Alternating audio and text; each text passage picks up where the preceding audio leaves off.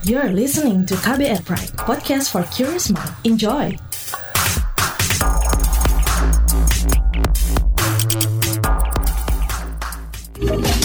Kamu lagi dengerin What's Trending KBR Pagi.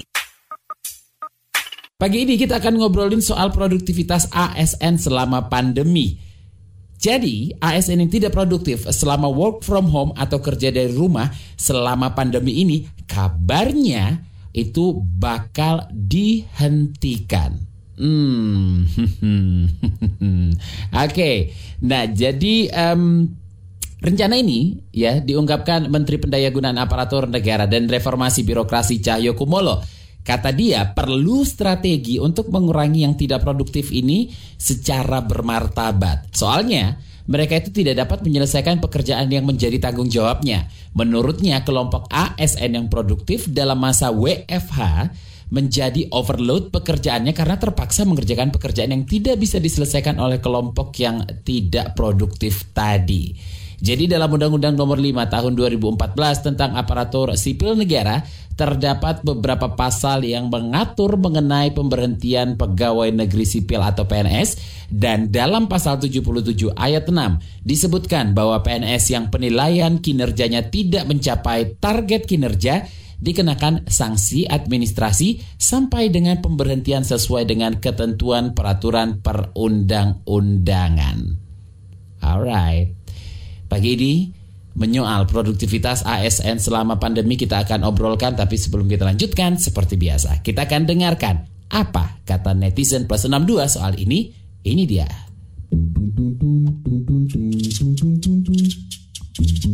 Yang pertama ada dari akun @santikapuri4. Siap-siap ASN yang tidak produktif bakal dikurangi. Lalu ada dari @elkrova. Siapa bilang PNS pasti aman dari PHK selama pandemi? Kemudian akun @sugiana73 mencuit, pengurangan PNS seharusnya dilakukan dari dulu bukan sekarang, tapi nyatanya hanya jadi wacana. WiFi itu perlu fasilitas yang cukup dan memadai untuk kerja di rumah termasuk jaringan internet. Jangan lihat PNS di Jakarta atau Pulau Jawa, coba lihat yang di daerah. Lalu ada dari akun @natamich mencuit, asyik setelah ini nanti ASN ditambah lagi karena ternyata masih kurang. Evaluasi dulu lah kenapa nggak produktif. Boleh jadi pimpinan mereka yang tidak produktif. Lalu pemilik akun @sunuha underscore 22 mengatakan, mending anggaran ASN dialihkan untuk pengembangan UMKM lah. Pekerjaan ASN lambat laun juga banyak yang tidak efisien, bisa digantikan dengan teknologi. Lalu akun @jerry1704 mencuit, ASN sejak awal sudah diplot apalagi yang diterima di atas tahun 2004 sejak reformasi birokrasi. Jelas-jelas setiap ASN dihitung kebutuhannya untuk jadi fungsional tertentu. Kenapa fungsional tertentu tidak dilakukan evaluasi? Kita ini memang lemah di pengawasan dan penegakan aturan. Lalu ada Ed Sing Ihdatya. Kirain langsung ganti yang baru yang lebih berkualitas. Kalau cuma pangkas, bawah pohon rindang banyak. Lalu ada akun @abikerasak. Menurut hemat saya, ASN yang produktif diberikan peningkatan mutu SDM jika penilaiannya di bawah rata-rata target. ASN yang tidak produktif sebaiknya dipensiunkan dini saja dan tidak usah menerima ASN dengan jangka waktu tertentu. Terakhir ada cuitan dari @nanang18188019. Tes ulang semua abdi negara atau ASN yang tidak produktif dan nyata-nyatanya bodoh, pecat tanpa kompromi, masih banyak anak bangsa yang mau mengabdikan dirinya untuk bumi pertiwi.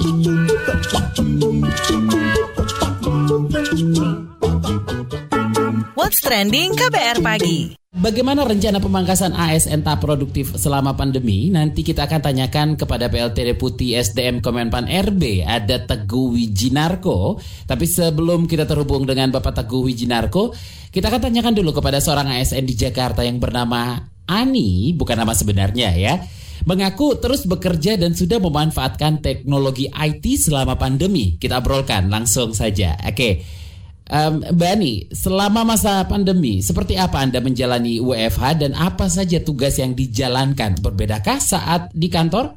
Selama pandemi, saya uh, menjalani WFH dan itu full. Jadi nggak dibagi-bagi, tapi per tanggal 8 Juni kemarin itu kantor sudah mulai aktif 50% 50%. Jadi kita dapat jatah 3 banding 2.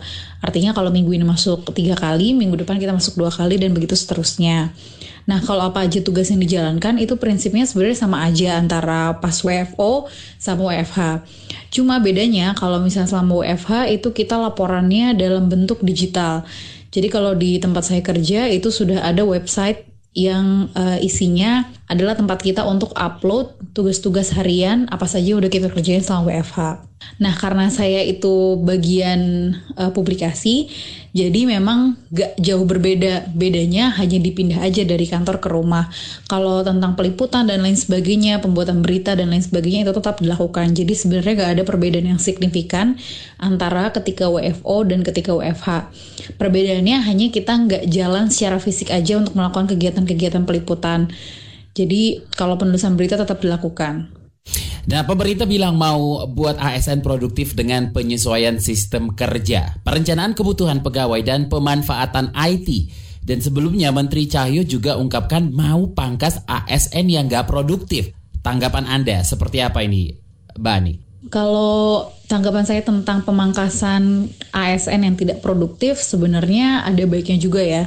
Karena bagi saya gitu ya, kalau misalnya melihat ASN yang tidak produktif itu sama aja membuat usaha dan kerja ASN-ASN yang produktif, terutama ASN-ASN yang uh, bekerja keras setiap harinya itu jadi ibaratnya sia-sia gitu. Karena masyarakat terus-terusan melihat ASN yang tidak baik gitu ibaratnya ya. Contoh-contoh mungkin oknum-oknum yang uh, tidak produktif padahal semestinya mereka bisa melakukan pekerjaan dengan lebih baik gitu. Jadi kalau memang mau dipangkas, ya harus ada indikator-indikator yang memang sesuai gitu. Karena kan ASN itu diangkat berdasarkan ada undang-undangnya dan lain sebagainya gitu. Jadi tidak bisa juga semerta-merta sebenarnya diturunkan. Kalau misalnya Menteri Cahyo mengatakan bahwa dia akan menurunkan atau mengurangi ASN-ASN yang tidak produktif, itu pasti dengan berbagai macam pertimbangan dan juga tentunya sudah ada payung hukum yang pastinya bisa dipertanggungjawabkan gitu. Jadi tidak mungkin ASN juga bisa dikurangi begitu saja kan. Cuma kalau misalnya ditanya setuju atau enggak kalau dikurangi yang tidak produktif, ya setuju aja gitu. Karena toh buktinya dengan jumlah yang ada sekarang itu ada juga ASN-ASN, oknum-oknum yang ternyata juga santai-santai, sedangkan ada juga ASN yang kerjanya loadnya itu sangat banyak gitu karena harus mengerjakan tugas dari rekannya yang kurang produktif itu tadi. Baik, terima kasih Ani seorang ASN yang berada di Jakarta. What's trending KBR pagi? Masih di What's trending KBR pagi bersama saya Don Brady. Kita lagi ngobrolin soal produktivitas ASN selama pandemi. Nah, seperti yang saya janjikan tadi, kita akan ngobrol langsung dengan PLT Deputi SDMA Kemenpan RB ada Teguh Wijinarko. Selamat pagi, Pak Teguh. Selamat pagi, Pak. Apa kabar nih Pak Teguh? Ya, baik. Baik. Oke, Pak Teguh, ya, seperti ya. ya, seperti apa rencana pemangkasan ASN yang tak produktif selama pandemi? Aturan apa yang dipakai nih Pak Teguh? Gini Pak, sebenarnya memang pandemi ini kan menunjukkan kepada kita semua pemerintah gitu bahwa memang pemerintah harus melakukan perampingan. Itu yang pertama. Karena dengan bekerja di rumah saja ternyata pemerintah bisa berjalan gitu. Yang pertama itu ya. Mm-hmm. Nah, bagaimana perampingan ini dilakukan? Sebenarnya sejak awal kita harus lakukan beberapa strategi. Yang pertama adalah strategi uh, apa perencanaan kebutuhan pegawai. Ya, perencanaan kebutuhan pegawai itu harus di, di, dirumuskan sesuai dengan kebutuhan yang benar-benar dibutuhkan oleh instansi pemerintah. Jadi orang-orang yang betul-betul dibutuhkan itu yang betul masuk dalam bisa masuk ke dalam uh, pegawai negeri sipil atau ke dalam ASN ya. Itu. Nah ini juga bagaimana masuknya tentunya ke depan itu orang-orang yang punya kualifikasi uh, literasi IT yang tinggi itu. Orang-orang yang tidak memiliki itu ya mohon maaf uh, harus harus mencari keahlian itu dulu baru bisa masuk. Tuh. Nah bagi mereka yang sudah ada di dalam kemudian ternyata harus kita apa namanya rampingkan ya uh, apa jumlahnya maka sebenarnya kita ada aturan aturan untuk melakukan itu di PP eh, PP nomor 11 tahun 2017 ada di pasal 241 itu. Nah gini bunyinya seperti ini. Dalam hal terjadi perampingan organisasi atau kebijakan pemerintah yang mengakibatkan kelebihan PNS, maka PNS tersebut uh, terlebih dahulu nih ya.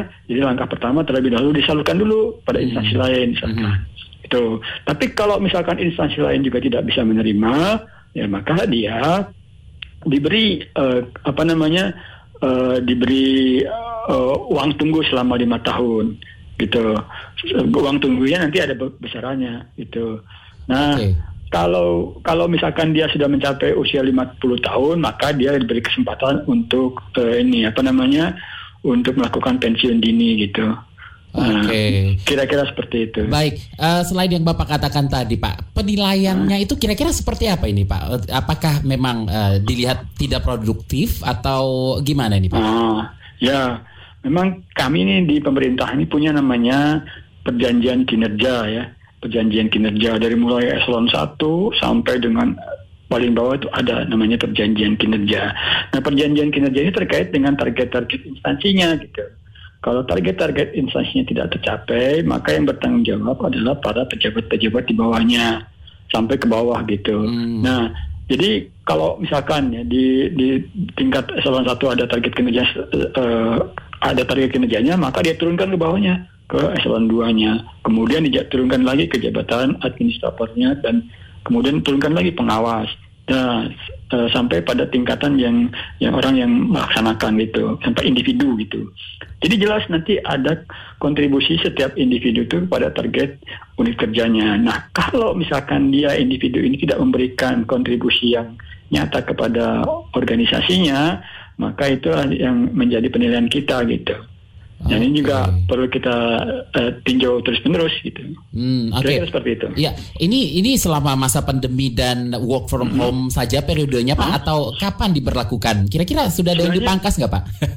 Oh belum belum ada belum ada kita masih terus melakukan upaya untuk ini tapi kalau untuk kebijakan eh, penerimaan pegawai di masa tahun 2021 mungkin kebijakan ini sudah mulai terapkan gitu kira-kira seperti itu. Oke, baik. Hmm. Pak Teguh, terima kasih atas waktunya pagi ini Pak. Baik, terima kasih. Oke, Terima kasih. selamat pagi. Nah, itu dia tadi eh, PLT Deputi SD Kemenpan RB Teguh Wijanarko. Nah, soal produktivitas ASN masa pandemi ini kita juga akan obrolkan bareng pengamat kebijakan publik Universitas Trisakti Trubus Rahadiansyah. Oke, Pak Trubus, bagaimana Anda menanggapi rencana pemerintah pangkas ASN yang tak produktif selama pandemi ini, Pak? Sebenarnya gini, ASN yang tidak produktif itu itu sudah sejak lama. Jadi sejak lama ada karena dulu banyak ASN itu diterima tanpa proses ini gitu ya, proses proses penerimaan yang yang ketat lah kira-kira gitu. Nah, karena dengan adanya pandemi ini, maka kebijakan untuk memangkas itu ya menurut saya saya setuju itu segera dilakukan saja gitu karena ada banyak ASN ini yang tidak mendapatkan bekerja, ya tidak bekerja optimal gitu mas. Jadi nggak nggak bekerja karena memang jabatannya itu nggak menyangkut langsung dengan WFH itu work from home. Terus kalau yang lain satu sisi kan ada juga yang overload karena dengan WFH ini overload. Nah sebenarnya kan apa namanya ASN itu kan dituntut punya soft skill kan soft skill baik mengenai kemampuan dalam hal IT, kemampuan dalam penggunaan bahasa bahasa asing yang bersesuai dengan media itu. Jadi memasuki era industri 4.0 itu sebenarnya sudah harus mempersiapkan itu semuanya. Tetapi kan pada kenyataannya banyak ASN terutama di daerah yang tidak bisa mengikuti, tidak bisa beradaptasi karena itu harus menurut saya memang harus dipangkas bagaimana di dalam pekerjaan kalau swasta kan ada di PHK gitu. Jadi kalau swasta kalau kebanyakan kan di PHK lah. Selama ini orang bekerja dari ASN itu sangat nyaman gitu karena mereka hampir tidak pernah tersentuh oleh perubahan itu sendiri artinya tidak ada pemangkasan-pemangkasan, kemudian tidak ada peng, istilahnya pemberhentian atau tidak ada PHK lah biasanya gitu. Nah, apa saja catatannya jika dilakukan nih, Pak? Kalau menurut saya sih yang catatan yang paling penting ya ketika diberhentikan itu ya mereka kan sudah mengabdi pada negara ya. Jadi karena sudah mengabdi pada negara ya berilah pem, apa, pemberhentiannya itu secara terhormat gitu ya. Membuat aturan karena itu aturannya perlu dibuat dulu gitu. Jadi regulasinya itu jelas supaya di kemudian hari nanti tidak muncul gugatan-gugatan gitu. Karena kan selama ini hampir selalu kalau PN, uh, PNS itu ASN itu diberhentikan secara tidak hormat atau secara hormat pun sama itu mereka akan melakukan gugatan gitu gugatan dan selama ini uh, oleh pengadilan selalu dimenangkan nah ini jadi masalah nah itu menurut saya memang ini reformasinya tidak saja di di dalam konteks artinya kementerian dan lembaga harus berkoordinasi dengan aparat penegak hukum juga gitu loh. Jadi supaya ada kesepahaman gitu. Jadi kalau tidak nanti biasanya uh, yang terjadi itu oleh aparat penegak hukum misalnya kan dibuka lewat telepon itu ya uh, apa namanya pengadilan tata usaha negara dan di situ biasanya dimenangkan oleh ASN-nya gitu itu hampir hampir seperti itu yang kejadiannya jarang ya ASN itu kemudian diberikan kecuali sifatnya melakukan pidana Hmm, Oke, okay. Pak Trubus, bagaimana menurut Anda cara mengukur produktivitas masa WFH ini atau work from home ini, Pak? Ya mengukurnya memang ini lebih ditekankan kepada produktivitas yang dibebankan. Jadi artinya mereka dibebankan pekerjaan itu misalnya terkait dengan layanan publik misalnya berapa yang harus dilayani, berapa yang harus dikerjakan. Ini memang sampai hari ini produktivitas mengenai selama work from home ini masih sangat lemah. Jadi publik tidak banyak tahu gitu lah itu karena pengawasannya juga lemah.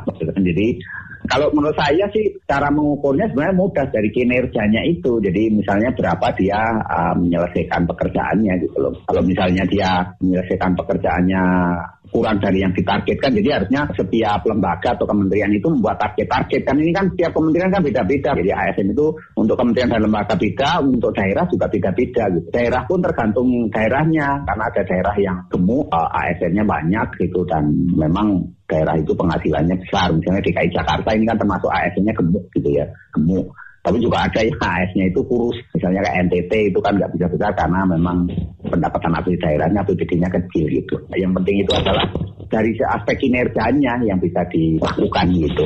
Nah, seperti apa evaluasi dan memastikan ASN produktif selama pandemi ini, Pak?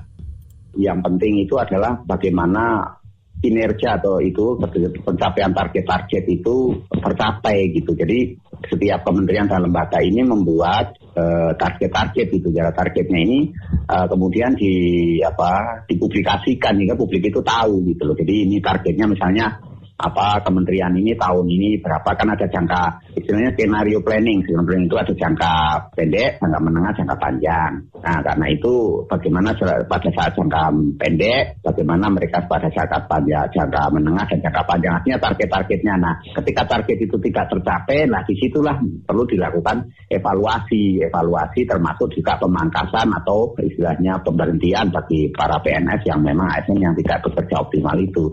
Jadi ini peran dari inspektorat kalau daerah itu pengawas-pengawas itu ya irjen-irjen kalau di kementerian gitu ya yang mengawasi mengawasi mereka. Cuman masalahnya selama ini kan memang relatif lemah di dalam pengawasan itu. Tentu ini yang sudah dilakukan dievaluasi secara menyeluruh dievaluasi saja bagian mana yang masih belum optimal dan bagian mana yang memang kerjaannya itu overload itu yang harus di diukur berdasarkan itu gitu menurut saya. Baik, terima kasih pengamat kebijakan publik Universitas Trisakti Trubus Rahadiansyah. Oke. Okay?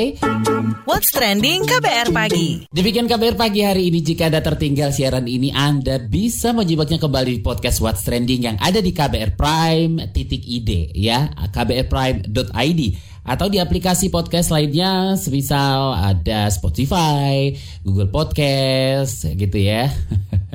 Biar gak ketinggalan nih obrolan kita pagi ini soal produktivitas ASN selama pandemi yang kabarnya ini bakal ada pemangkasan di ASN yang gak produktif seperti itu ya. Akhirnya saya dan berani pamit. Besok ketemu lagi ya. Stay safe and um, ya bye bye. Terima kasih ya sudah dengerin What's Trending KBR Pagi. KBR Prime, cara asik mendengar berita. KBR Prime, podcast for curious mind.